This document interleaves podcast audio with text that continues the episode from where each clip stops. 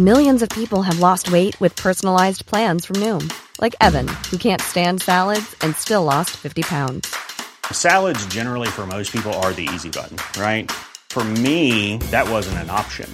I never really was a salad guy. That's just not who I am. But Noom worked for me. Get your personalized plan today at Noom.com. Real Noom user compensated to provide their story. In four weeks, the typical Noom user can expect to lose one to two pounds per week. Individual results may vary.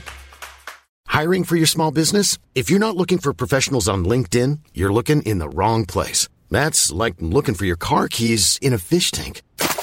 LinkedIn helps you hire professionals you can't find anywhere else, even those who aren't actively searching for a new job but might be open to the perfect role. In a given month, over 70% of LinkedIn users don't even visit other leading job sites. So start looking in the right place. With LinkedIn, you can hire professionals like a professional. Post your free job on linkedin.com slash people today.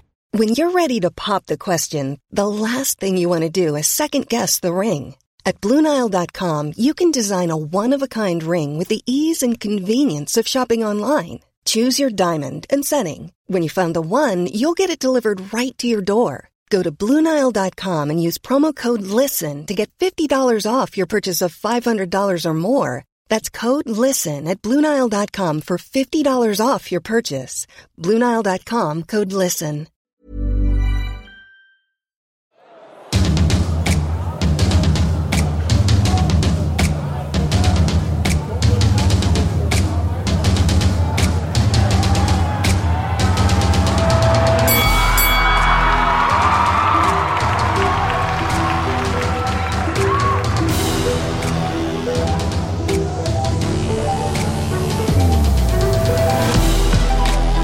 Ny podd eh, och en mycket glad pater Thomas Idegard.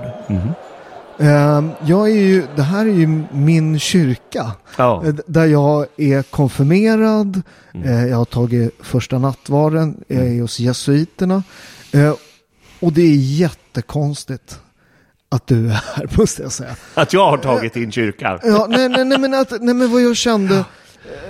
Ni som inte känner till Thomas. Thomas var MUFs jättearga eh, ordförande.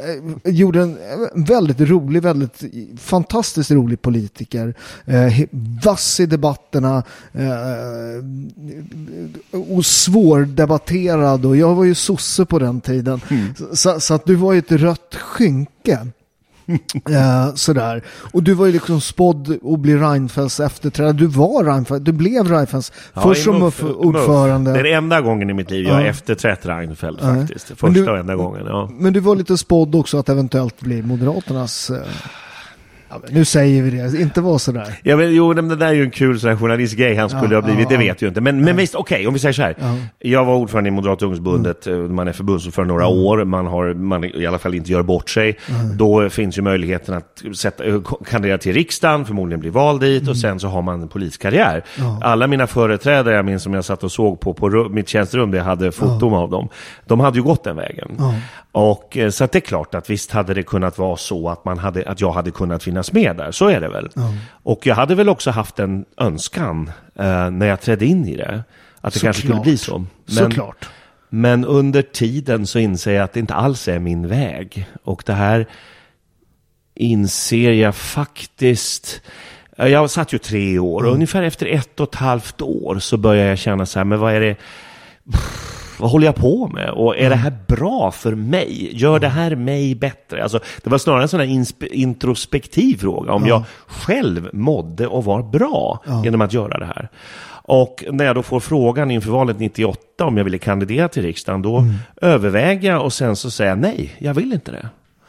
Och det var nog första gången på länge som någon, som någon hade gjort det. Och jag förstod det inte riktigt då. Jag hade en flickvän då, som jag var tillsammans med ganska länge. Hon, hon fick mig att förstå att jag inte var bra när jag var i det där. Alltså jag gjorde det där tekniskt bra, som du just beskrev så mycket vänligt. Men min person var inte bra. Och hon fick mig att inse det. Jag var ju sur på henne för det. Men idag brukar jag säga till henne, vi är goda vänner idag, säga tack så mycket Mia för att du hjälpte mig se det där. Ja. Men, men att, att inte tycka att det är liksom rätt väg Mm. för dig och sen bli jesuitpater. Ja, det är en lång det, det, alltså det, det, jag, har, jag har lyssnat lite på intervjuer med dig och det, det, det, det blir, ja så blev det jesuitpater. Ja men det, det, det är mycket mycket, mycket mer större fråga. Ja, det är ju mer än 20 år däremellan till att börja med. Ja, precis. Så det är inte så att jag lämnar, kliver av politiken och sen kliver jag in och, och blir jesuit och katolsk präst. Det är ju, det är ju helt knäppt om det vore så. Det, det går 20 år, alltså 1998 lämnar jag allt som har med partipolitik att göra. Och då, då försvinner du liksom ur min radar på något, sånt, på något sätt. Ja, för sen var jag ju den här halvpolitikvärlden, men du kanske missade, du kanske inte var uppe och såg morgon-tv på, TV på Jo, morgonen. li- lite, jag, jag ja. satt i någon sån här Ja, morgonpanel ja, faktiskt under ganska många år, tio år nästan, i. SVTs morgonpanel tillsammans med Birger Schlaug och Ursula Berge. Vi hade jättetrevligt. ja.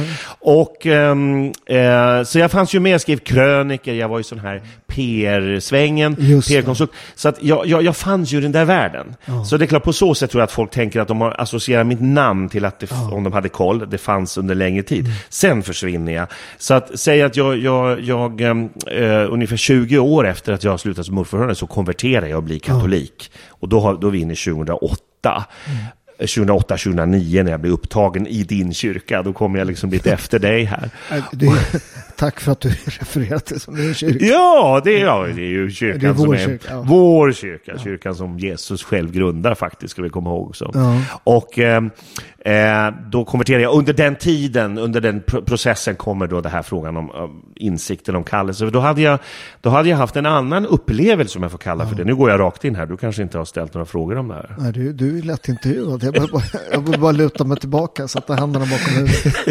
Nej, men då, går jag in, då har jag en annan upplevelse. Jag var med och drev en av Sveriges absolut största och mest framgångsrika PR-byråer, Prime PR, tillsammans med en av mina gamla goda vänner, Carl Fredrik Sammeli, som, som, som, som är fortfarande är god vän och vi kände varandra lätt, längre sedan politiken. Eh, och jag får erbjudandet om att gå in och bli delägare. Och jag känner bara, känner och tänker nej, nej, nej, det vill jag ju inte bli. Jag hade ju ändå jobbat där flera år, jag var med och ledde verksamheten. Och Carl Fredrik säger till mig, men Thomas, varför vill du inte bli, du kan ju tjäna pengar. Och några år senare, Mycket pengar. och några år senare säljer han det till ett stort eh, multinationellt företag och många av delägarna blev ju miljonärer. Om inte så att de tapetserade väggarna med pengar så hade de en bra slant. Och jag insåg bara, och han, kunde, han sa naturligtvis inte att det här var planen då, men han sa, men det här kan ju bli en möjlighet. Och jag bara, nej jag vill inte, jag vill inte. Och någonstans där börjar jag ju inse, varför har jag vid flera givna möjligheter till karriär backat? Och eh, och, och jag tänker så här att jag är ju inte en person som inte är eh, committad, som det heter, som inte är engagerad, utan tvärtom, jag är engagerad i det jag gör. Jag gör saker för att jag är engagerad, så jag tror ingen kan säga ah, han gav bara 80 procent. Det tror jag inte. Eh, däremot har Carl Fredrik i efterhand sagt att det fanns någonting hos mig hela tiden som var på väg någon annanstans och han, han kände det även om jag gjorde jobbet. Men då säger jag nej, nej, nej, panik, jag vill inte alls bli delägare, jag vill inte bli bunden. Och då inser jag, men vänta nu, jag är ju inte en person som egentligen inte kan binda mig. Men det var ju bara det att det var inte rätt sak att binda mig vid. Den återstod att finna. Och sen band du ordentligt. Men, men, men det är en sak att konvertera. Absolut. Det, det är en sak att bli katolik. Absolut. Det är en sak att bli djupt kristen. Absolut. Men man ska komma ihåg att jesuiterna, eh, det är en, av, av ordnarna, det är en rätt tuff orden. Det, det är upp till 15 års utbildning för att bli jesu, jesuitpater. Eh, Eh, ja, men- till att vara pater först, det blir man nog faktiskt kortare tid, alltså präst. Men sen så fortsätter man så att, ja visst, det. absolut. Man, man, jag ska ju nu börja mitt sista steg i ordensutbildningen. Då är det mer än tio år sedan jag gick in. Ja. Ja, men för det, och det, är- det är fattigdom, det är lydnad, det är kyskhet. Eh, från det livet liksom i, i politikens, liksom maktens centrum, eh, den, den flashiga reklambranschen, Absolut. pengar, Ja. till, till fattigdom. ja, precis. Vad? Alltså det är ju inte för att man vill späka sig själv. Nu, Om vi börjar så här, i fattigdomen, de olika katolska ordnarna har eh, lite olika förståelse av fattigdomen. Eh, eh, det finns de som är rent, verkligen tiggarordnar, eller försöker vara det. Det är svårt att göra det i vår del av världen, men om du tar franciskaner, grundades ju faktiskt så. Eh, du har ordnar, om du tar Moder Teresa-systrarna som lever väldigt, väldigt, de har tydliga regler att deras levnadsstandard får inte vara på högre nivå än de fattiga, så, hur de har det i de länder de är. Mm. Då kan du tänka dig vad det betyder. Den jesuitiska förståelsen av fattigdom är faktiskt att vi framförallt jobbar. Mm. Vår fattigdom är att vi i stort, sett, eh, i stort sett nästan alltid arbetar och verkar. Vi är alltid ute i, i, i, på marsch, så att säga. Vi är alltid ute i verksamhet. Och att vi därmed då ska inte ha en högre standard än vad en genomsnittlig familj där man måste jobba hårt för sitt, för sitt levebröd ska ha i varje land man är i. Utan den egentliga fattigdomen blir då egendomsgemenskap. Vi äger ingenting. Mm. Den dag jag tar ner skylten så är det väl två eller tre kartonger som de behöver ta hand om. Mm. Det är inte så mycket mer. Nej. Men, men jag tycker det är rätt spännande det med, med, med, med liksom, eh, det här med, med lydnad, mm. fattigdom och, och att liksom få ett inrutat liv. Jag levde ju rätt länge själv. Som när jag var proffsboxare så levde man i perioder när man låg på de här träningslägren. När det var väldigt liksom så begränsat vad man fick äta, mm. eh, vad du fick göra. Du liksom levde ju bara, liksom egentligen i sju veckor eh, åtta veckor så låg man liksom, bodde på ett camp, du gick aldrig ut, du liksom, du var, och i det liksom, det som folk kanske ser som ett fängelse, mm. eh, finns också en otrolig frihet. Mm. Mm. Att, att ge upp saker gör ju att man kan vinna andra mm. saker. Det var precis det jag skulle fråga dig. Mm. Du gjorde det här av ett skäl. Det var ja. inte bara för att du ville späka dig. Eh, och då har du så att säga de klassiska ordenslöftena, mm. fattigdom, kyskhet, lydnad i Jesus efterföljd. Mm. Det är ju helt enkelt för att efterhärma Jesus sätt mm. att leva. För att kunna vara fri för det som kallelsen ytterst handlar om, nämligen att tjäna andra. Tjäna Kristus genom att tjäna kyrkan och tjäna andra. Och ge hela sitt odelade engagemang för det. Det är ju syftet med de här sakerna. Inte att vi ska hålla på och säga oj, titta vad vi späker oss. Och om du tittar på mig så kanske du inte ser någon jättespäkning som har varit här om vi tar, tar den saken. Så, att, så, att, så att det, är inte, det handlar inte om det, utan det handlar naturligtvis om att, att eh, de här löftena, bortsett från att de de facto är precis så som Jesus levde och precis så som vi en dag ska leva i himlen, för där ska ingen vara gift med någon annan. Där ska vi bara vilja tjäna Gud, där kommer vi bara se Gud i varandra och därmed också se varandra på riktigt och, och ha varandra. Och det kommer inte behövas någon materiell, att man samlar på sig materiella saker. Så att man brukar säga att vi tar ut himmelriket i förväg. Och därför betyder det att de här uppoffringarna som vi gör, de ger en stor glädje. För de ger fokuset på det vi verkligen vill göra som är det viktiga, nämligen vara Jesus ställe i världen och återge Jesus kärlek och sanning till världen. Och får jag säga en sak till. De allra flesta människor tror att ja, men livet som man in, när man lever utanför det här, mm. det är ju helt fritt och inte inrutat. Men du har ju två barn själv till exempel. Ja. Börja ställa dig frågan, hur mycket är du inte inrutad av de månatliga räkningarna som ska betalas? Oron och funderingen hur det ska gå för barnen, de växer upp, tonåringarna, de saker som kommer. Kraven från ditt jobb, din, att du ska leverera, du ska tjäna pengar för att kunna försörja dig. Jag menar, livet är, det är faktiskt en oerhört sentida vanföreställning. Att livets mål är att vara autonom och bara gå omkring och känna, ja, vad vill jag göra idag? Det funkar ju inte. Är, är det inte hela västvärldens moderna tidens stora lögn? Totalt. Är det inte det Totalt. som gör alla helt jävla olyckliga? Totalt. Jag, Totalt. jag ska göra vad jag vill och jag ska liksom förverkliga mig själv. Och Precis. så visa så att Precis. livet är jäkligt inrutat. Exakt. Du ska hitta en perfekt partner så ska ni då gifta eller i alla fall gänga er på något sätt. Mm. Sen ska ni få barn och sen ska de här barnen vara toppstudenter. De ska gå jättebra, kunna 14 språk när de är sju. Du ska bestiga Mount Everest, ha ett jättehärligt sexliv och så ska du laga mat och lägga ut det på olika sajter och så ska du ha ett vackert hem och visa upp i sköna hem och så ska du ha en superkarriär och vara begåvad. Alltså det här är ju, jag menar, precis som du säger, det går inte. Du kan inte göra alla de här sakerna samtidigt. Du måste offra någonting. Att vara människa, det är faktiskt att också offra. Att säga, det där tar jag bort för att kunna uppnå det där. Och frågan är då, vad är det vi offrar någonting för? Bob Dylan har en låt som heter You gotta serve somebody. Oh. Alltså du måste tjäna någon. Och precis så, människan är skapt för att tjäna, för att tillbe. Mm. Tillbe Gud, men vi syndafallet gör ju att vi börjar säga att vi ska nog tillbe oss själva istället. Och där börjar det då kajka ur. Mm. Så vad är det du tjänar i ditt liv? Vem är det du tillber? Det, det är den frågan vi ska ställa oss. Mm. Och när vi tjänar och tillber någon och något, då uppoffrar vi en massa andra saker för det. Precis, och vi är ett flockdjur. Jag tror att det också är den här moderna självförverkligandet. Vi är ett flockdjur. Att, att hålla ihop i flocken är enormt viktigt för att liksom vi ska må bra. Mm. Jag såg lite siffror på det där. Jag tror 17 procent av vi svenskar känner någon form av psykisk oro. Bland mm. ungdomarna är det absolut värst. Jag tror ja. 25 procent, en fjärdedel av alla ungdomar mår dåligt. Ja. Eh, och hela det här med, med, med västvärldens självförvaltning, det är kanske en av de mest misslyckade projekten någonsin. Folk mår rätt dåligt. Ja, det kom ju ut häromdagen att en stor del av människor tycker inte att det finns någon mening med livet. Nej. Och det förklarar ju de här siffrorna som du refererar till.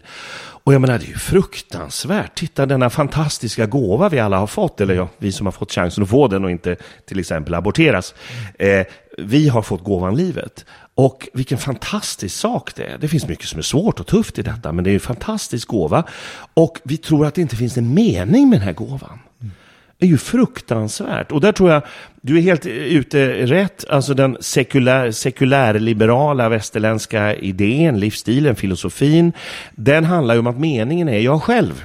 Meningen är, känn dig fri. Jag menar, vi är så fria idag att vi till och med kan bestämma vilket kön vi har om jag har förstått det rätt. Det är ju ideologin va? Mm. Inga, allting, du, du väljer bara. Välj elbolag, välj kön, välkommen till världen liksom. Mm.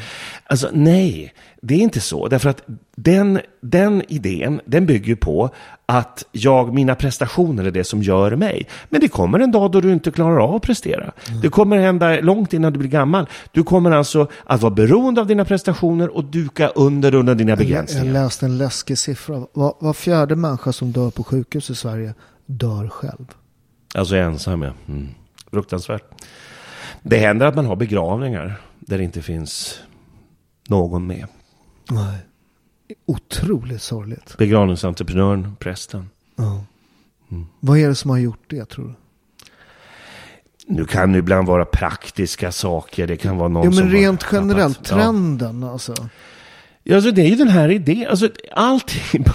You gotta serve somebody. Och när, när denna somebody inte längre är Gud, det är då det börjar kajka ur. Så det är ju redan Adam och Eva. Alltså ursynden, de första människornas synd, den består ju av att de säger vem är han och talar om för mig hur jag ska leva mitt liv? Det är ju, det är ju, det är ju ursynden. Och där börjar det. Gud skapar världen, skapar människan och säger, här har ni. Gör det här, sköt det här. Det är bara en sak som ni inte ska göra. Ni ska inte själva definiera gott och ont. Mm. För det är jag som är måttstocken för det. Och vad är det de gör? Mm. Nej, ska jag bestämma vad jag känner? Där har du, och där börjar det egentligen allt det här som då får de här konsekvenserna som du beskriver. Jag läste, jag kommer inte ihåg det exakta citatet, men Moder Teresa efter hon fick Nobels fredspris mm. fick frågan om de, de, de, de fattiga olyckliga människorna i Indien. Mm. Och då svarar Moder Teresa, de är fattiga, men de riktigt olyckliga människorna, de träffar jag här i Europa. Ja, exakt så. Men, men, men, men för, alltså, det, vi har aldrig haft det så bra som idag. Vi har aldrig haft Rent materiellt? Nej. nej. nej. Och ändå så mår vi så otroligt dåligt. Vad, vad är botemedlet då? Mening. Mm. Att leva med mening. Mm. Att börja ställa dig frågan, är mitt liv någonting som jag själv ska uppfinna? Alltså typ, välj ditt kön redan. Mm. Eller är det så att mitt liv har någonting i sig som jag behöver upptäcka? Som, det finns någonting att vara människa som inte handlar om att jag ska uppfinna det, utan som är och som jag ska upptäcka, omfamna och sen ordna saker efter. Och då kan man säga att det kan du göra på ett filosofiskt plan. Jag lägger ju in att detta, detta drar ju mot Gud, för det är Gud som har lagt ner den mänskliga naturen i människan som svarar på väldigt många frågor. Om vi bara inte lyssnar på ideologier och inte låter oss fördunklas av våra begär utan försöker tänka men vad är det att vara människa? Vad är målet med olika saker som vi människor har och gör? Eh, men sen naturligtvis som, som präst och som troende så säger jag naturligtvis handlar det om Gud ytterst. Sök Gud och sök din, ditt liv handlar inte om dig själv. Ditt liv handlar om vem du är tänkt att bli i Guds plan. There's never been a faster or easier way to start your weight loss journey than with PlushCare. PlushCare accepts most insurance plans and gives you online access to board-certified physicians who can prescribe FDA-approved weight loss medications like Wigovi and Zepbound for those who qualify. Take charge of your health and speak with a board-certified physician about a weight loss plan that's right for you. Get started today at plushcare.com slash weight loss. That's plushcare.com slash weight loss. plushcare.com slash weight loss. Burrow is a furniture company known for timeless design and thoughtful construction and free shipping, and that extends to their outdoor collection. Their outdoor furniture is built to withstand the elements, featuring rust-proof stainless steel hardware, weather-ready teak, and quick-dry foam cushions. For Memorial Day, get 15% off your Burrow purchase at burrow.com slash ACAST and up to 25% off outdoor. That's up to 25% off outdoor furniture at burrow.com slash ACAST. För att ofta, ofta när man läser, jag tror problemet för, för den sekulära svensken är att man läser boken, eh, liksom, man läser om de här historierna och folk som går på vatten och allt sånt där och förstår inte liksom den djupare meningen med det där. Eh, Jag har ju fått lära mig, jag har ju utbildad av er jesuiter, Pater Ditz som jag hade, ja, jag träffade Vi honom. träffade honom här ute. Ja, jag, jag, jag var och käkade lunch, det måste vara tio år sedan med honom. Och, och då har jag inte träffat honom sedan jag, typ, ja, sedan jag var och liksom tonåring. Eh, och, och när jag efter hade, eh, hade käkat lunch så sa där är min värdegrund. Där är han.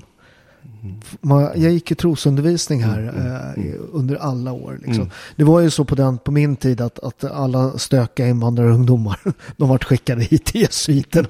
Då, jesuiterna har hårda nypor. De, de blir så... men, men, men, men vad jag fick lära mig av Pater Ditz, det är så här att, att vi tror inte på Bibeln så. Vi tror på kyrkans tolkning, tolkning av Bibeln. Och alla de här historierna är på något sätt att sätta liksom bilder på Guds liksom, tanke kring, liksom, menar, och, och då, om, man tittar på liksom, Jakobs brottning med Gud. liksom. Ja, det är ju inte naturligtvis en, förmodligen inte en fysisk brottning. Nej, precis. Eh, Men- men det- men- medan men- det finns historiska saker i Bibeln som är fysiska. Ja, ja. Jesus går på vattnet, självklart har hänt. Därför att Jesus är Gud. Och när folk frågar mig, så jag tror att Jesus gick på vattnet? säger jag, ja visst. Om man kan födas av en jungfru Mm. och sen uppstå från de döda, då är att gå på vattnet piece of cake. För Jesus är inte som du och jag. Mm. Han är inte som Jakob eller de andra figurerna i Bibeln. Han han är Gud. Den som håller universum, den som har skapat universum, den som finns utanför tid och rum och skapar tiden, som nu går in i tiden, blir människa och säger hallå, det var så här jag hade tänkt det, följ mig. Och för att visa att han är Gud så gör han ju sina mirakel. Så att precis som du är inne på och som Pater Dietz lärde dig, vi katoliker och vi kristna, vi tror på Kristus. Och därför tror vi också på sanningen i Bibeln som vittnar om Kristus. Men först kommer Kristus, han grundar kyrkan, kyrkan ger oss Bibeln. Och som du är inne på, Bibeln säger viktiga saker om Gud. Jag hade en lärare en gång som sa så här i teologi, allt som står i Bibeln är sant. Och då blev alla så här, eh, vänta nu, det finns ju... Och det mesta har hänt. Alltså, sant därför att det handlar om vem människan egentligen är tänkt att bli och vem Gud är och varför Gud söker människan hela tiden om och om igen för att vi ska kunna få vända oss från det här upproret vi gjorde från början. Men, nu, men nu- jag måste säga det, redan liksom den hela Augustinus och det här förstår ju liksom den här, alltså, bild, alltså den här bilden att skapa en, en bild av en känsla som man har med sig, liksom brottningen med Gud, som är brottningen Visst. med sin, som, som är otroligt poetiska och när man liksom sätter sig ner Absolut. och tänker, är det här sanning? Ja, det är sant. Det är klart att det är sant. Sen Precis. kanske just brottningsmatchen inte hände. För Gud är ju inte, i den meningen, Gud var inte människa då. Nej, Gud, nej. Gud hade inte fortfarande inkarnerat sig. Precis. Men, men, men brottningen med Gud. Och samma sak med Jobs bok. Den bygger ju inte på att det fanns en gube som hette Jobb. Mm. Utan den handlar ju om det vi kallar teodicéproblemet. Hur kan det existera ondska om Gud är den som är god skapat världen? Mm. Eh, så att du har exist- Bibeln är inte en bok, Bibeln är ett bibliotek. Och på samma sätt, du kliver in i bibliotek så ser du olika typer av genrer av litteratur. Historiska faktaböcker, poesi, eh, filosofi och samma sak i Bibeln. Så återigen, vem talar om för oss vad som är vad i Bibeln? Jo, kyrkan som har gett oss Bibeln. Och det är ju det katolska språnget. Jag tror på Kristus, alltså tror jag på den kyrka han har grundat och på att kyrkan talar om för oss vad, hur vi ska bedöma olika saker i Bibeln. Och det, det som jag tror att om man inte sätter sig in i de här eh, jag menar, helgonen och alla historierna kring dem och sånt. Helgonen är ju de bästa bibeltolkarna. Precis. Och, och, och för mig, alltså så här, jag har läst lite forskning om det där med, med liksom att kunna hur man kommer ihåg saker. Du kommer ihåg saker som bilder, som historier. Och där är det katolicismen otroligt stark. Mm. Att jag har ju den heliga Mikael tatuerad på ryggen. Ja, Eh, och, och det är ju striden med, mellan, mellan Absolut. ondskan och Ja, allt sånt där. Det goda och, och den här sympatiska, härliga vågskålen han Ja. har. Där, där liksom han säger så här, det är jag som kommer döma dig på den yttersta dagen.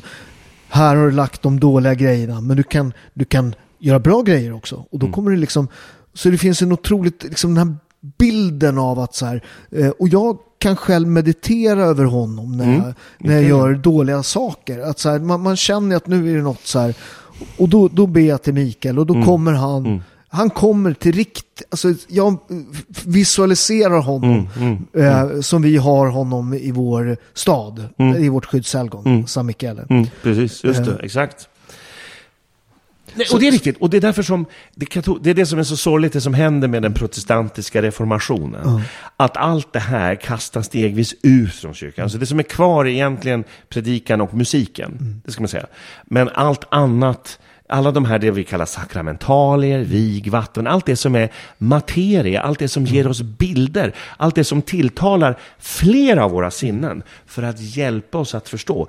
Det försvinner tyvärr. Man brukar prata om att tron avmystificeras och då kan man tycka att det där låter ju bra, att vidskepligheter och sånt tyckte ju Luther och så. Men problemet med det är att man avmaterialiserar tron och till slut blir tron en sak för mig och mina tankar i kyrkbänken och inget mer. Men tron ska ju impregnera hela mitt liv. Jag ska ju med hjälp av tron leva på ett annat sätt, eller åtminstone försöka leva på ett annat sätt, så att det som tron står för, sanning och kärlek, viljan av andras bästa, det har inte med känslor att göra, utan en vilja av andras bästa, att det ska kunna genomsyra världen och så förändra också världen. Det är ju det som är poängen. Så, eh, katolska kyrkan talar om en levande tro, det vill säga tron som märks i gärningar. Mm. Och allt det där underlättas av att vi förstår helgonen, precis som du pratar om.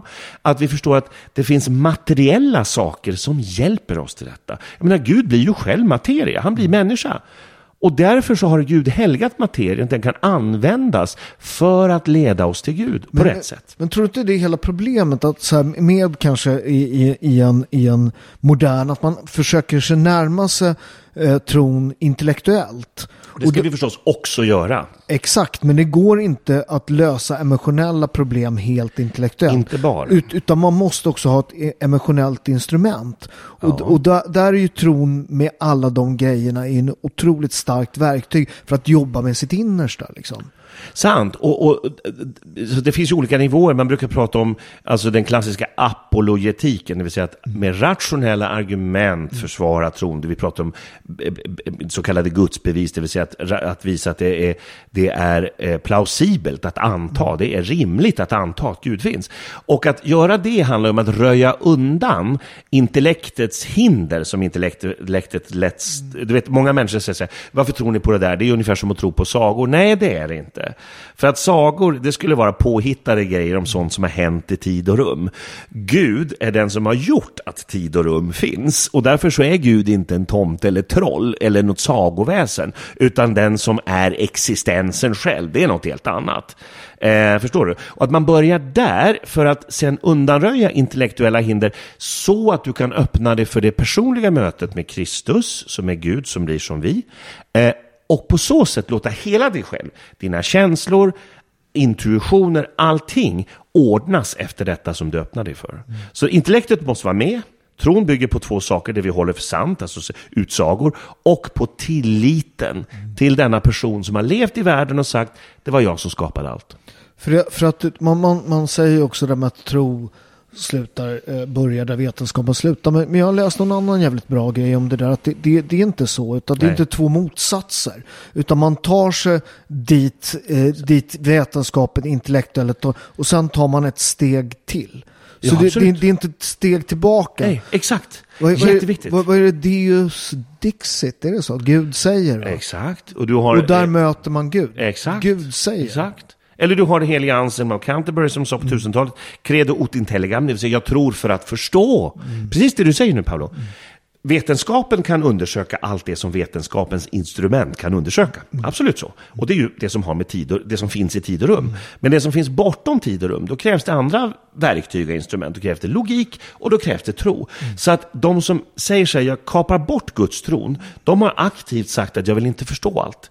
Lite brutalt brukar man ibland säga, vetenskapen svarar på frågorna om hur och tron svarar på frågorna om varför. Det är kanske lite förenklad bild. Men någonstans där är det, vi behöver både hur-svar och varför-svar. Varför skulle vi avhända oss en typ av kunskap om till exempel det som då är meningen till slut?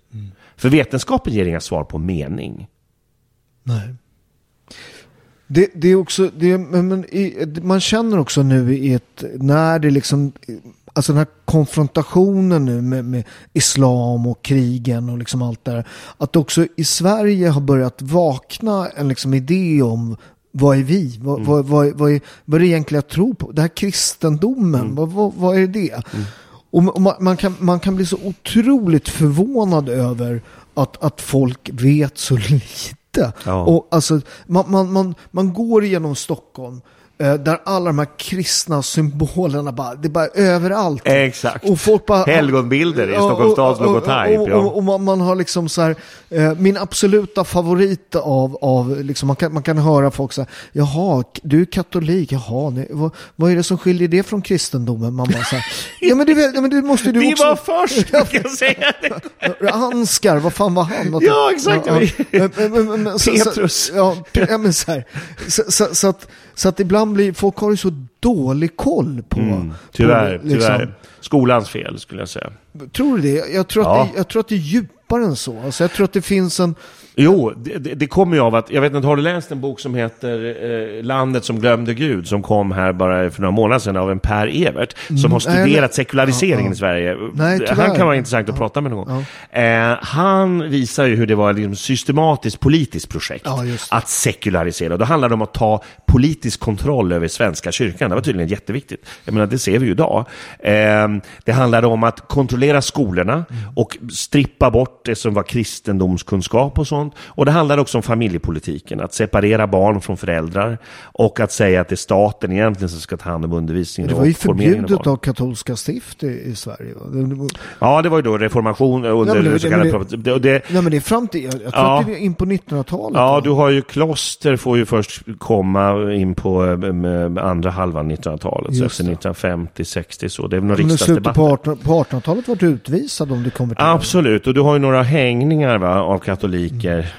på slutet på 1700-talet tror jag. Eh, nej, nej, nej, nej. Men, men, men du har, och sen har du då, då kan man säga det där var ju liksom, eh, eh, efterdyningar till religionskrigen. Och då tog ju då det protestantiska över. Det var ju, det var ju kristet och Sverige var ju ett protestantiskt land, kristet protestantiskt land länge. Men, jag- men jag tror folk ofta, ofta har missat det. det. Vi hade ju ett eh, liksom, religionskrig i Sverige. Jo, precis. jag menar, Sig- Sigismund mot hertig Karl. Eh, det var ju katoliker mot precis. protestanter.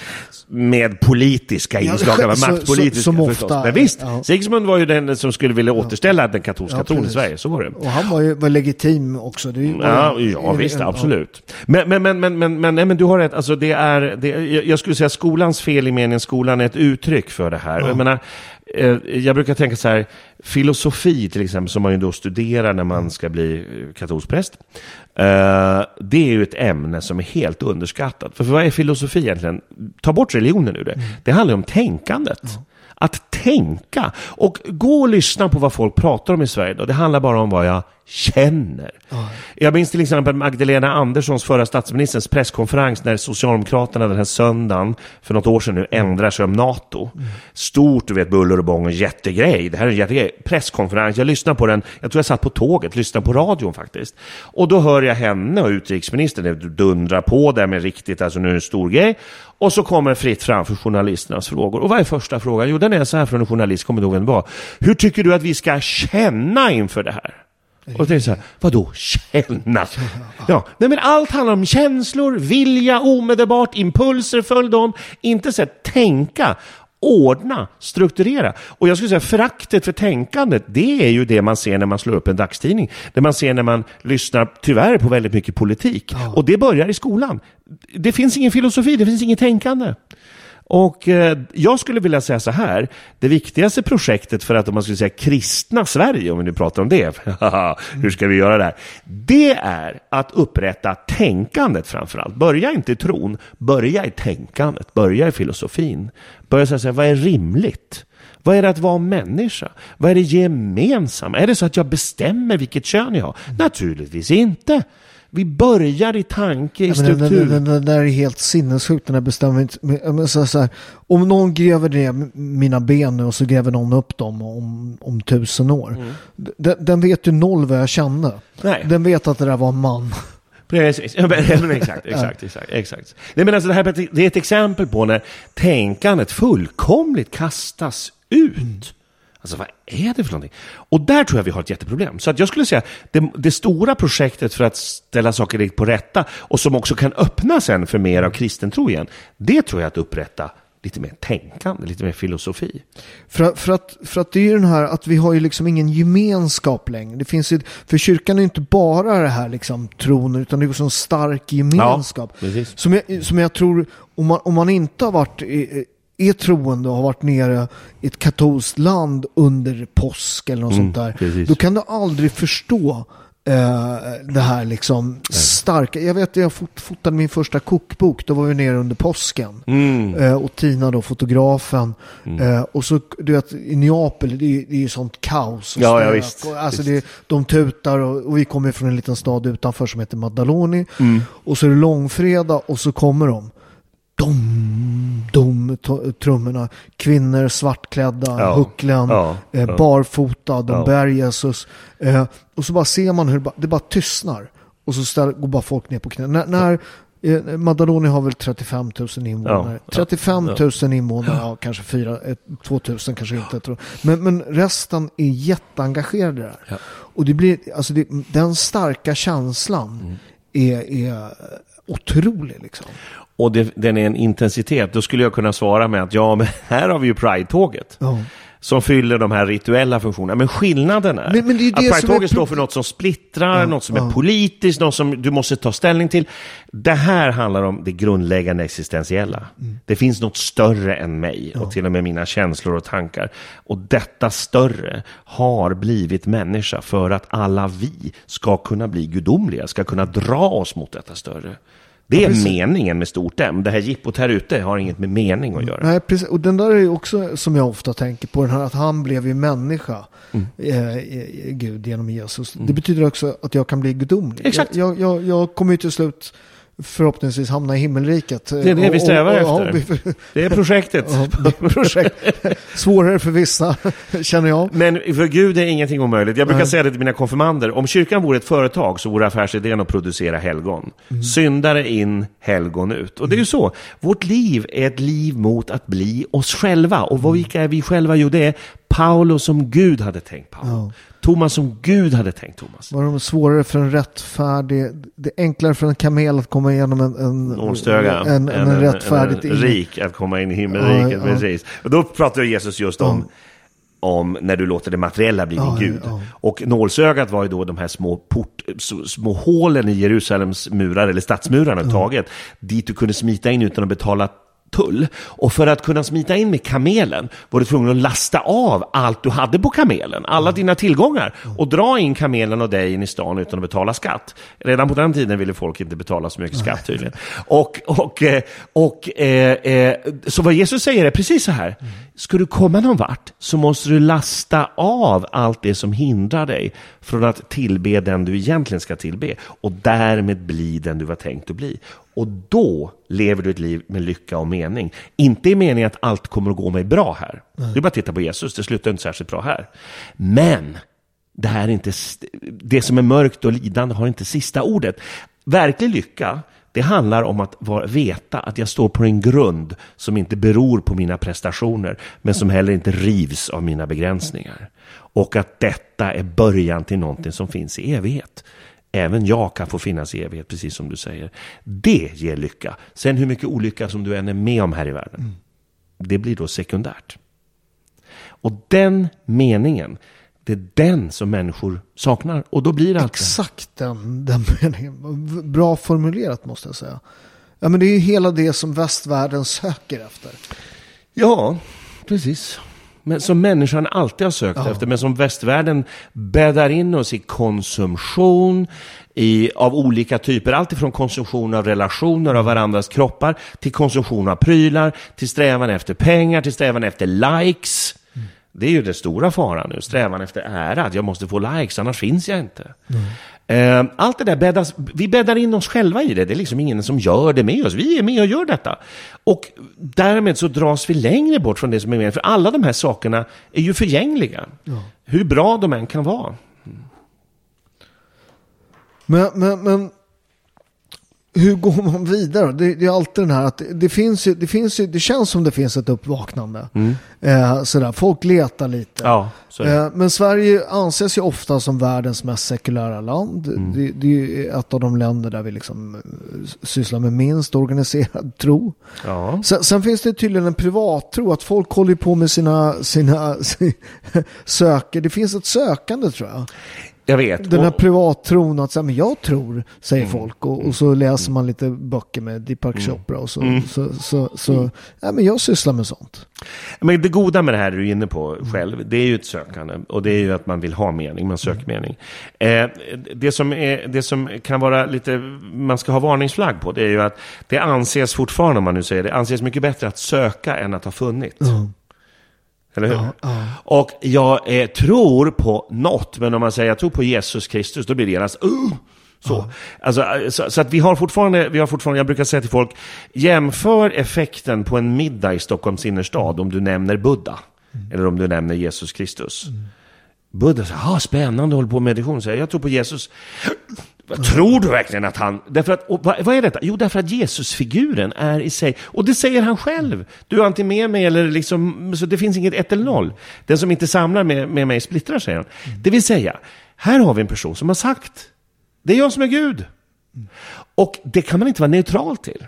Buddha kan man vara lite neutral. Han sa aldrig det om sig själv, för han var inte Gud. Men Jesus har sagt det är jag som är Gud.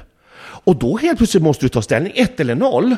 Och är han Gud, då måste middagen genast upphöra. Vi måste lägga oss platta på marken. Och sen ut i Stockholm city och berätta om det här egentligen. Och alla fattar att det betyder att mitt liv kan inte fortsätta bara så här.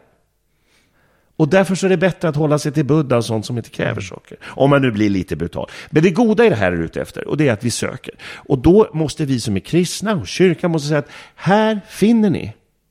Ska jag berätta en sak jag såg igår som jag kom på nu? Mm. Jag, tittade, jag kommer inte ihåg vem det var. Jag tittade på landskampen i fotboll igår. Mm. Eh, som Sverige vann med 5-0. Mm. Eh, och så kommer jag inte ihåg vem det var. Det var någon de bytte ut. För första gången i ett svenskt landslag. Helt, det var en blond svensk. Eh, som gjorde korstecknet när han var utbytt. Vet du vem det var? Nej, jag kommer inte ihåg. Han gjorde korstecknet. Fantastiskt. Det är ju en klassisk sån Precis, där. eh, precis. ja. Markering. Ja. Och det, som du säger... Det ser man ju ofta. Utländska, Utländsk, absolut, ja, det- absolut, absolut. Eh, Och även då utländska eh, alltså, spelare, syrian och sånt som Exakt, spelar svenskt. De, gör, exakt. De gör ju det, precis. Och jag gör det när jag boxar. Och så. Exakt. Du, apropå det och, och korstecknet och idrott och boxning. Eh, han som var kyrkoherde i den kyrka i London, jag studerade teologi i London då, när jag, eh, där jag blev diakon och där jag jobbade också en del som diakon under slutet av min studier. Canon John hette han, mycket, mycket fin eh, kyrkoherde, mycket bra, kul och humor. Eh, Typ eh, brittisk. Han berättade i en predikan en gång, predikan handlar om bön. Och vad har bönen för effekter? Och då berättade han en historia om en, om en präst och hans sekulära vän som inte alls trodde. Och de gick på en boxningsmatch. Och just innan matchen, när de går upp i matchen, så gör en av boxarna korstecknet, varvid den sekulära icke-troende kompisen stöter i prästen och säger Tror du att det där har någon effekt? säger han till prästen. Varvid prästen svarar Ja, om man kan boxas. Och med det ville Canon John säga att bön handlar inte om att jag beställer saker från Gud. Bön är vad jag tillåter Gud göra med mig. Och bön är så att säga mitt sätt att allt mer i det liv jag lever här och nu samtidigt leva i Guds verklighet. Och då kan bönen ge mig en styrka som om jag kan andra saker naturligt, till exempel boxas, kan använda på rätt sätt. Ja, men det ger, mig- ger mig ju ett skydd. Det ger ju inte, det ger inte en vinst, men det ger mig Exakt, en trygghet. exakt, du exakt. tackar Gud för att du kom ut hel. liksom. Precis så. Vi, vi, min son tränar vi ber faktiskt eh, var, efter varje träning. Efter. Det är Ja, jättefint. ja, ja. Jättefint. Jag har, jag har en av mina eh, PT-kunder också som är präst. Ja. Eh, vi ber också. Så det, fint. det. Vet du vad alla boxares skyddshelgon heter? Nej. Nej, det, det är ingen som... Vem är det? Det, det, jag faktiskt frågade... Finns så många helgon. Så Ja, ja, jag vet. Jag frågade faktiskt biskopen om det. Ja. Eh, och han heter Sant Ubaldo. Visste biskopen detta? Eh, ja, det Ja, jag. Har wow. att han visste det. Ja. jag kommer inte ihåg jag ställde, men han, då sa vem ska man be till? För att i, i min by där skyddshelgon hela Mikael då, San Mikael. Exakt. Eh, och där har de alltså att du ska be till San Mikael. För han, Förstås. för han skyddar alla som går i strid. Just och då, då, då sa biskopen, han bara, be till Sant Ubaldo, jag tror inte han är så upptagen. det, det, och, det, och det roliga med det, Vi ber ju om deras förböner, det är det. För Ja, de har ju tid och power att be. Precis, de finns ju nära Gud. De finns nära Gud. Och, och det är genom deras exempel då man, man ska leva som dem. Exakt, så att folk, men, men det roliga med Sant Ubaldo det är att på hans helgondag Ja. så, så, så fram till, mitt, till 1920-talet så han, det är något, han ramlar död ner i någon lokal strida på torget. Och, så det Och var- han är ett 1900-talshelgon Nej, nej, nej, alltså? det här det här är medeltida. Här. Medeltida, okej, okej. Ja, och Han strider, okej. Ja, ja. det är en strid där mellan Ja. de olika kvarteren som Ja. Italien och han ramlar död ner och så återuppstår han och säger så vi kan inte göra så här utan vi måste träffas här en dag om året och så slåss vi utan svärd. Och det gjorde man långt in på 1900-talet. Man, man träffades och slogs då Ah. på torget. Men nu från 1920-talet så har man en boxningsturnering på det här torget. Wow. Så, så jag, jag har faktiskt boxat där en gång. Wow. Och det kan jag säga, det är absolut vackraste. Det är Gubbio, det är grannstat till Assisi. Ja. Inte en sten Mm, i typ rör sedan 1400-talet. Och så boxar man, entrén gör man från, eh, en, alltså från rådhuset som är, trappan är från romarriket och så ner och så upp i ringen. Helt Wow. fantastiskt. Det förstår jag. Det måste vara verkligen en, en stark upplevelse. Ja, nej, men så, så, det, så det, och det, jag tycker vi firar Sant Ubaldo lite för lite. Du, du får göra mässa till det. Vi får ju, Eh, det finns ju säkert mässformulär för det, så Ja. att det kan man nog göra. Han är ju inte obligatorisk i det svenska direktoriet som det heter, men man kan ju alltid fira honom på en dag då det inte fin- finns något annat. Så om vi gräver lite grann så ska vi göra det, Paolo. ja, men ska vi, det, du, det, jag, fixar, jag fixar boxarna. Absolut. Så, så jag tror att hans helgondag är någon gång juni eller juli tror jag. Okej, okej, okej. Låt oss kolla upp det, Mm. eh, så ska vi ordna det. Och om vi inte kan hitta just den dagen så kan vi ändå hitta en dag där vi firar Mm. mässan till hans ära. För att vi, precis som du är inne på, allt mer ska lära oss av hans exempel. Mm. För helgon är ju återspeglingen av Kristus här i världen. Mm. Det är mitt, mitt, ett helgon som, är, som jag tycker är viktigt för oss svenskar. Mm. Som jag tror att folk inte riktigt så ser. Jag ser på henne på ett, eh, på ett speciellt sätt. Det är ju, det är ju Lucia. Ja. Lucia som, Ja. är, som vi fortfarande, jag, jag känner henne som, som alltså den sista kampen av det katolska Sverige. Man försökte liksom Få bort allting. Ja, men, men, men så Lucia, dyker hon upp. äh, det, hon, hon hon kommer aldrig bli av med henne. För att reformationen, det låter som det, det var ju, det var ju liksom med svärdet i hand. Och, Jo, det var ju ett och- politiskt ja, projekt. precis. Det var ju tvingades på uppifrån. Jag menar Dackupproren och allt det, det är ju Ja. religiösa Ja. uppror. Alltså Ja. du vet om man tittar Dackes, vad han skriver, det, det, vad jag fick lära mig i skolan, det var att det var skatterna. Mm. Men nummer två på det brev han skickar till Vasa, det är att han vill ha tillbaka mässordningen i gammal god sed, för snart kan en bonddräng vissla mässan bredvid en gödselkärra, skriver han. Eh, vilket, är, vilket, är väldigt, vilket är väldigt, väldigt bra, bra skrivet. Det är ett religiöst uppror. Det är ett religiöst projekt. och- och Lucia- Religionsfrihet. Lucia- Han vill ha friheten att ha sin tro. Och staten kommer där och säger nej, det går inte. Eh, nej, men det, det, alltså, många beskriver så här. Det är klart, folk tyckte, tyckte först när de här nya idéerna kom att, att de hörde mässan på, uppfattade mässan på svenska. delar av den var bra, de kunde förstå. Och eh, eh, det var väl det. Och, men sen när fader kommer med sin flickvän och fru. Och sen de kastar ut vigvattnet. Och, och, och bort med helgonstatyerna, slår sönder. Då säger de flesta, nej men vad är det här?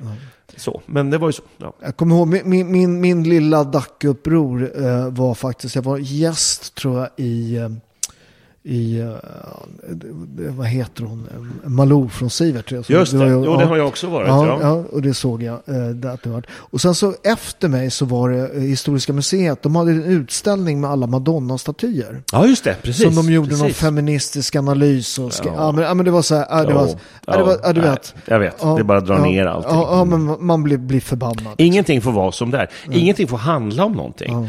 Allting ska bara styras av den rådande ideologin som är väldigt olika från ett år till ett annat. Ja. Men, men, och, och då såg jag att han skulle vara på efter. Eh, så att in, innan jag gick upp så, så sa jag jag vill bara säga en sak innan jag. Uh, de här Madonna-statyerna Ja. som finns på Historiska museet. ja. De där har svenska bondpojkar dött för Ja. och skydda. Ja. Eh, man har bett för dem där. Det Ja. är staten, det där är stöldgods från katolska kyrkan. Sa du det? Ja, ja. Hur, vad fick du för reaktioner då? Nej, han var ju helt upprörd den här intendenten på Historiska museet i, i, i, i, i, pausen. Det där kan du inte säga! Det är inte stöldgods, det är inte stöldgods. Vi ska ge dem det. De är ganska snälla. De, har lånat ut, de lånar ut lite saker ibland till katolska kyrkor. Ja, ja. Efter, som de inte har som utställningsobjekt. Och det är faktiskt schysst. Ja, men men men, du hade naturligtvis helt rätt, så är det ju. Och, eh, och, ehm, men jag tycker din analys om Lucia är intressant. Jag, jag har tänkt på det någon gång också för att det är, det är så kul, i synnerhet Sveriges Television som alltid har då Lucia morgon och så. Jag, har tittat på under mina år utomlands var det alltid något som, det vill jag verkligen se. Och ehm, då har de ju alltid någon som då ska prata om något. Och då ska de ju alltid förklara vem då Lucia är. Det kommer de ju liksom inte undan. Nej. Och då är det alltid så här, det är kul att se hur många knutar de slår. För att det är ju då ett katolskt helgon. Och vad är då ett helgon? Ja, då måste man ju trots allt börja förklara. Och varför blev hon martyr? Ja, därför att hon stod för sin tro, ville tro på Kristus. Och faktiskt, vilket ju skulle passa vår tid om man tänker feminism, hon ville inte gifta, Gifta sig. sig. med någon som ville tvinga sig på henne. Eh, och, och, eh, och det är ju intressant, de, många av de första kvinnliga martyrerna i kyrkans historia, som ju finns i den första kanonbönen i mässan, du vet, romerska kanon. De kvinnorna är kvinnor som har så att säga, dött för metoo-saken, om man nu säger så. De har sagt nej, jag med min kropp och min själ tillhör Jesus. Jag tillhör ingen som vill ta mig, så att säga. Från. Och det är också helt bortglömda saker. Det är också roligt när man, när man tittar på, jag brukar alltid lägga ut en bild på Lu, Lucia då, eh, hon är från Siracusa, 300-tal. Eh, hon, är, hon, är begravd, hon är begravd i eh, Venedig. Ja, precis. Hennes balsamerade kropp, hon var inte lång kan jag säga. Nej, hon var ganska ung. Ja. Eh, men men, men i, i Italien så är hon ju alltid avbildad som en martyr. Ja, men, för hon fick ju ögonen utstyckna. Så hon har ofta ett fat med sina ögon. Exakt. Och så har hon liksom ett svärd kört genom halsen. och så rinner det blod. Blod så här väldigt, väldigt, Det är väldigt... inte dags att servera lussebullar med Nej, det. väldigt Nej. katolskt. Ja, Livet är tufft, ja. men kan ändå vara lyckligt. Det är vi tillbaka till. Du kan drabbas av hur mycket olycka som helst. För Jesus ger inte löftet att jag lovar er, jag lovar ett liv eh, som bara glatt. Men han säger, jag är med er också i allt det som är svårt. Och det är löftet. Precis, och det, det måste jag säga med smärta och där är ju liksom de här moderna problemen med smärta, den som man försöker ta bort i livet. Sådär. Att man inte, för, jag tror att det, jag Mm, Till tror slut det ska vi få giftsprutan på sängen så vi bokar in vår, vår, vår egen död också. Precis, Mm. att, att, man, att, att, att i det moderna samhället får inte smärta existera. Och tittar man på, på speciellt de katolska, de här Jesus på liksom, det- han är ju ofta liksom, det är blod som rinner, han är utmärglad. Det är klart. Och det, och det är en symbol för att det är en del av livet, smärta. Ja, det är klart. Och visst ska vi göra, om vi pratar vård och vård i livets slutskede, så ska vi göra mycket för att smärtlindra om vi går på den linjen. Men den här mer med smärtan som handlar mer om att saker och ting tuffa i livet går mig emot eller jag har en förlust av något slag. Den ligger på en annan plan. Men du har helt rätt i att, att, att, eh, att där är det katolska bättre på att framhålla Eh, livets alla dimensioner. Det var en av sakerna som lockade mig till den katolska kyrkan. Jag tyckte, många tänker att den katolska kyrkan är sträng för du har alla de här buden och du ska följa. Så, ja visst, och så lyckas vi inte. Då går vi i bikt och så försöker vi börja om igen. För avsikten är att vi försöker börja om. Det är det enda vi kan göra. Men vad jag uppfattade var ju att det var precis tvärtom. Det var ett så mycket större bejakan av livets alla dimensioner. Precis som du är inne på. Och det drog mig till den katolska kyrkan. Var det Hakeli som skrev någon väldigt rolig eh, krönika? Han skrev att så här, eh, Svenska kyrkan, de försöker sänka ner himmelriket. Mm. De, de försöker göra det enklare att komma in till himmelriket. Genom att du definierar om det. Ja, det liksom, det, det, jag vet ju, jag vet ju vad, jag var på någon, någon dop som man går ibland och det är liksom, först vart det välsignat i Fadern, Sonen och hennes heliga ande, vart mm, kalkens välsignad. Och sen så var det så här när de skulle ta uh, nattvarden då, kommunionen, då, då var det så här, ja ni behöver inte ens tro på Gud, ni kan komma, man bara så här, men inte det själva grejen, du vet det där folk dog för, Lucia. Exakt. Ja. exakt. Men du vet, du vet hur forskning visar Men, men, på... men vad han skriver det är att så här, de försöker sänka himmelriket, Ja. katolikerna försöker höja människor. Exakt, exakt så. Och det är ju precis, och problemet med, alltså jag kan ju tycka att de här människorna som vill sänka trösklar och sådär, så här, vi ska inkludera så, de har förstås inte onda avsikter, de Nej, tänker nej. det. Men problemet är att effekten blir precis den motsatta, därför att om du, i, eh, om du i kyrkan möter precis det som du kan möta i media, i ett politiskt parti, eh, eh, på gatan, i ditt jobb, om du bara möter det, varför ska du då gå dit? Eh, och det visar ju forskningen att kristna samfund överhuvudtaget som sänker trösklarna i meningen eh, slipar av läran och tron, anpassar den till vad folk känner eh, och gör tron till en fråga om vad du tycker och så röstar vi om det och så bestämmer vi att det här är nog vad Gud tycker. De tappar ju medlemmar. De har färre präster och pastorer, de har färre som kommer på sina gudstjänster. Medan samfund som står för den kristna tron säger att det här är tufft. Det finns också krav i det här. Jesus finns med dig men han vill lyfta dig, precis som du säger, till himlen. Och då måste du förändra dig och vara beredd på en resa. Det är ju de som får människor att komma. Och då har det att göra med att vi är tillbaka. Vad är det som skapar mening? Om jag föra, det var en av de saker som också fick mig att börja vända mig, för jag har ju en kristen barndom, jag har en frikyrklig bakgrund, jag konfirmeras och växer upp mycket i Svenska kyrkan till slut. Ehm, och när jag då söker mig tillbaka till tron efter många år där jag trodde att, Gud, att jag var Gud i mitt liv, brukar jag säga, då går jag igen till Svenska kyrkan och då möter jag ju, när jag ställer frågor om så säger men, men vad, vad, vad, vad, vad, hur ser Gud på det här? Så får jag bara motfrågor. Ja, men vilken Gud tänker du på då? Det beror på vilken bild av Gud du har. Jag, blir, jag, vill veta en bild. jag vill veta vadUd tycker. Och till slut handlar ju allt om mig tillbaka. Och det är ju inte det jag har kommit hit Men det är ju för. inte det som är problemet, att så här, i, i en förvirrad värld, religionen har ju alltid pekat, kyrkan har alltid pekat, dit ska du, där är vägen, där är godhet, där är ondska, gör så här så kommer du till himmelriket. Och du har ett val. Precis, ett val. Men, men här är det nu det liksom i det moderna tiden, ja men det är lite som du känner för. Ja, ja. Och det är det värsta, därför att du vet, där lurar ju, bakom de här idéerna lurar ju någon som inte vill att vi ska komma till himmelriket. Så är det ju.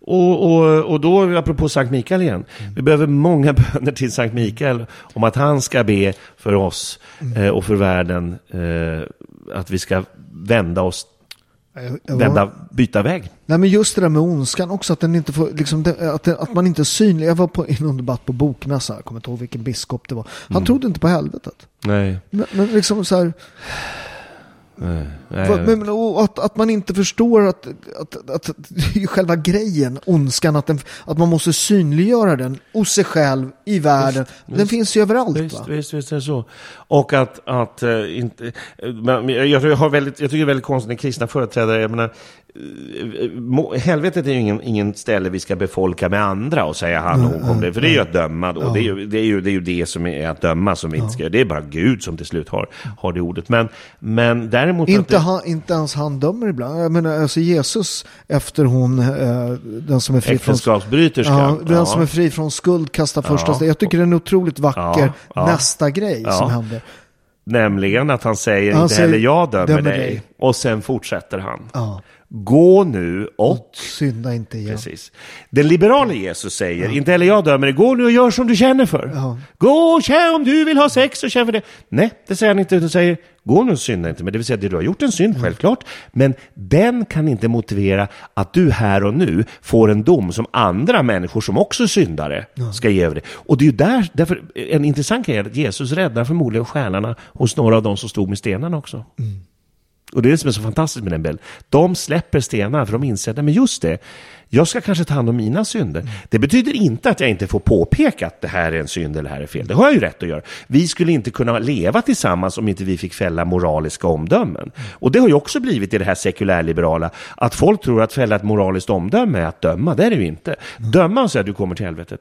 Men det jag har svårt att förstå, det är ju kristna, kristna företrädare kan säga att Nej, nej, nej, det spelar liksom ingen roll till slut hur du lever, för Jesus kommer ändå ordna det här. Mm. Nå, eh, eh, det är ju så att min, jag kommer aldrig att kunna leva heligt av egen kraft. Jag måste öppna mig för Kristus. Och det är därför vi har sakramenten, där vi ständigt får ta emot honom igen och återförsäkras i det här. Men jag måste kunna göra det jag kan i alla fall.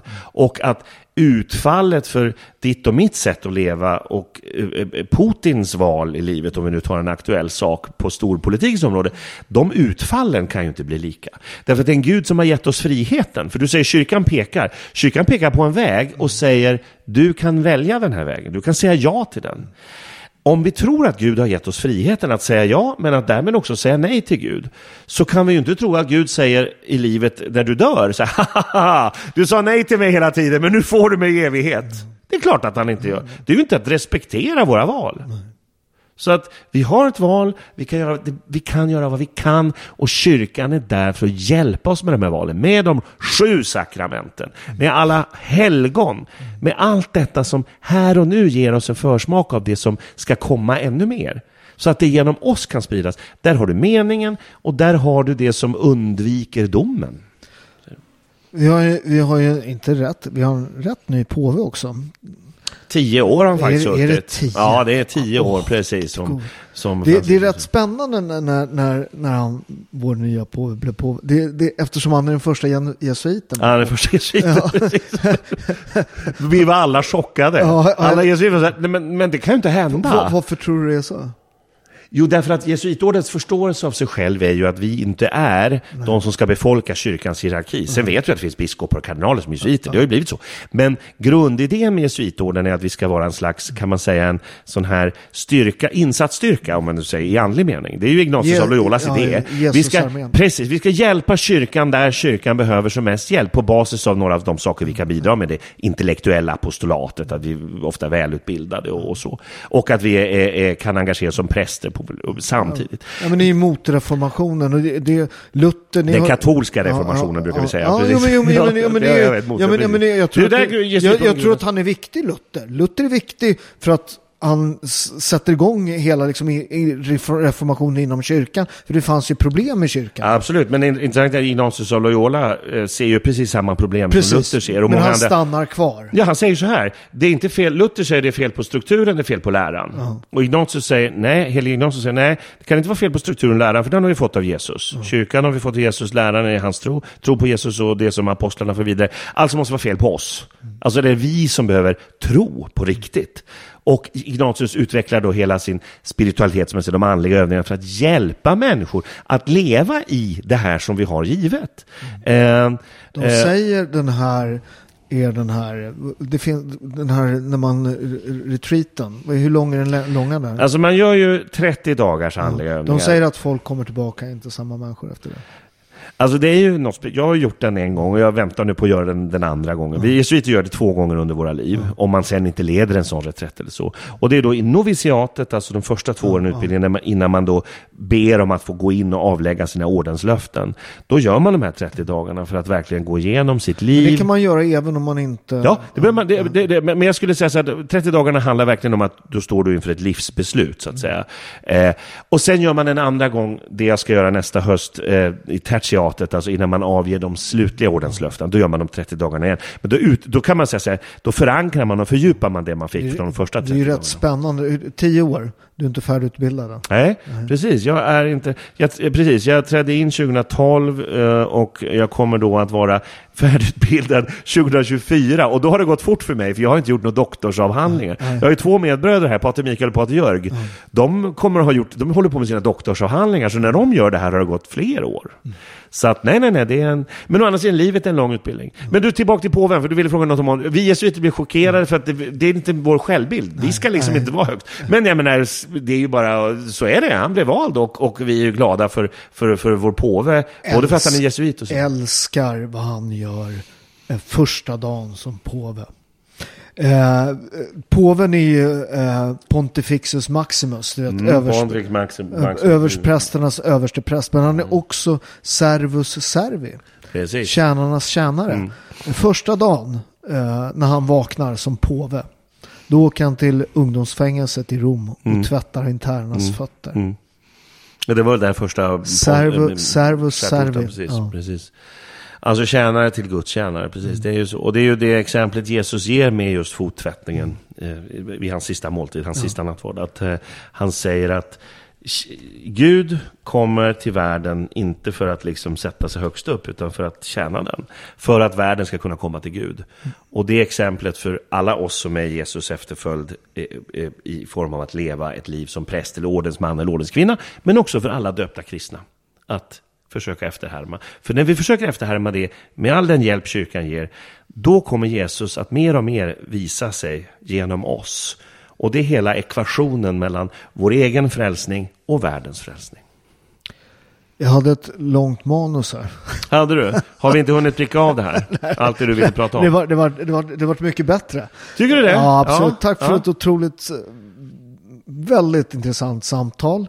Ja. Eh, vad, vad, och, ni finns i Kungsträdgården, ja. jesuiterna. Ja. Om man är lite nyfiken på er, mm.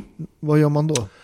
Alltså du menar om man är intresserad av att bli jesuit? Nej, nej, Eller nej, komma hit till kyrkan? och... Ja, ja, det är det första steget, precis. eh, nej då, men kommer till Sankta Eugenia katolska församling, som ju är en katolsk församling som drivs av oss jesuiter. Mm. Olika ordnar driver ibland olika församlingar åt stiften. Vi driver den här sedan väldigt länge. Och man kommer in i mässan, man deltar i, i mässan. Man kan inte, om man inte är katolik kan man inte ta emot kommunionen. Mm. Men man kan delta i allt det andra.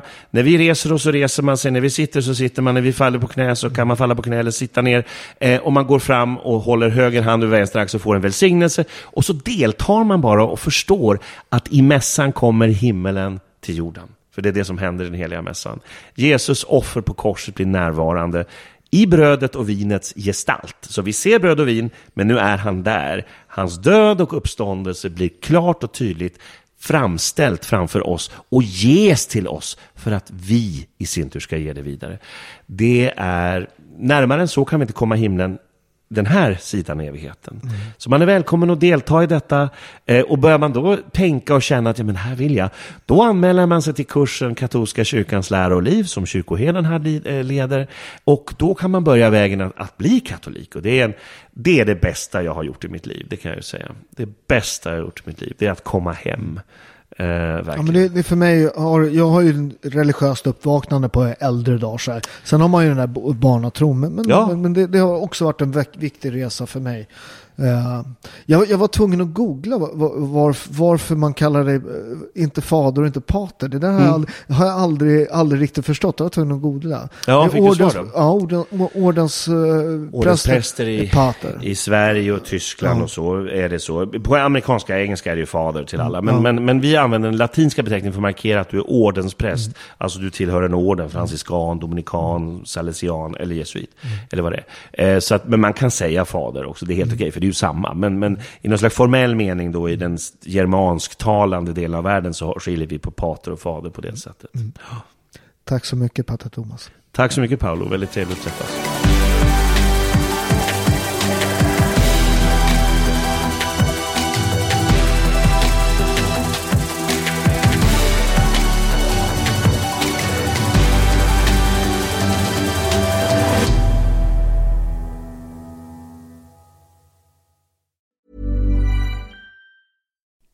You like to look five years younger? In a clinical study, people that had volume added with Juvederm Voluma XC in the cheeks perceived themselves as looking five years younger at six months after treatment. Look younger, feel like you. Add volume for lift and contour in the cheeks with Juvederm Voluma XC. Reverse signs of aging by adding volume to smooth laugh lines with Juvederm Volure XC. For important safety information and to find a licensed specialist, visit juvederm.com. That's J U V E D E R M.com. Not for people with severe allergic reactions, allergies to lidocaine, or the proteins used in Juvederm. Common side effects include injection site redness, swelling, pain, tenderness, firmness, lumps, bumps, bruising, discoloration, or itching. There's a risk of unintentional injection into a blood vessel, which can cause vision abnormalities, blindness, stroke, temporary scabs, or scarring. Talk to a licensed specialist to find out if it's right for you.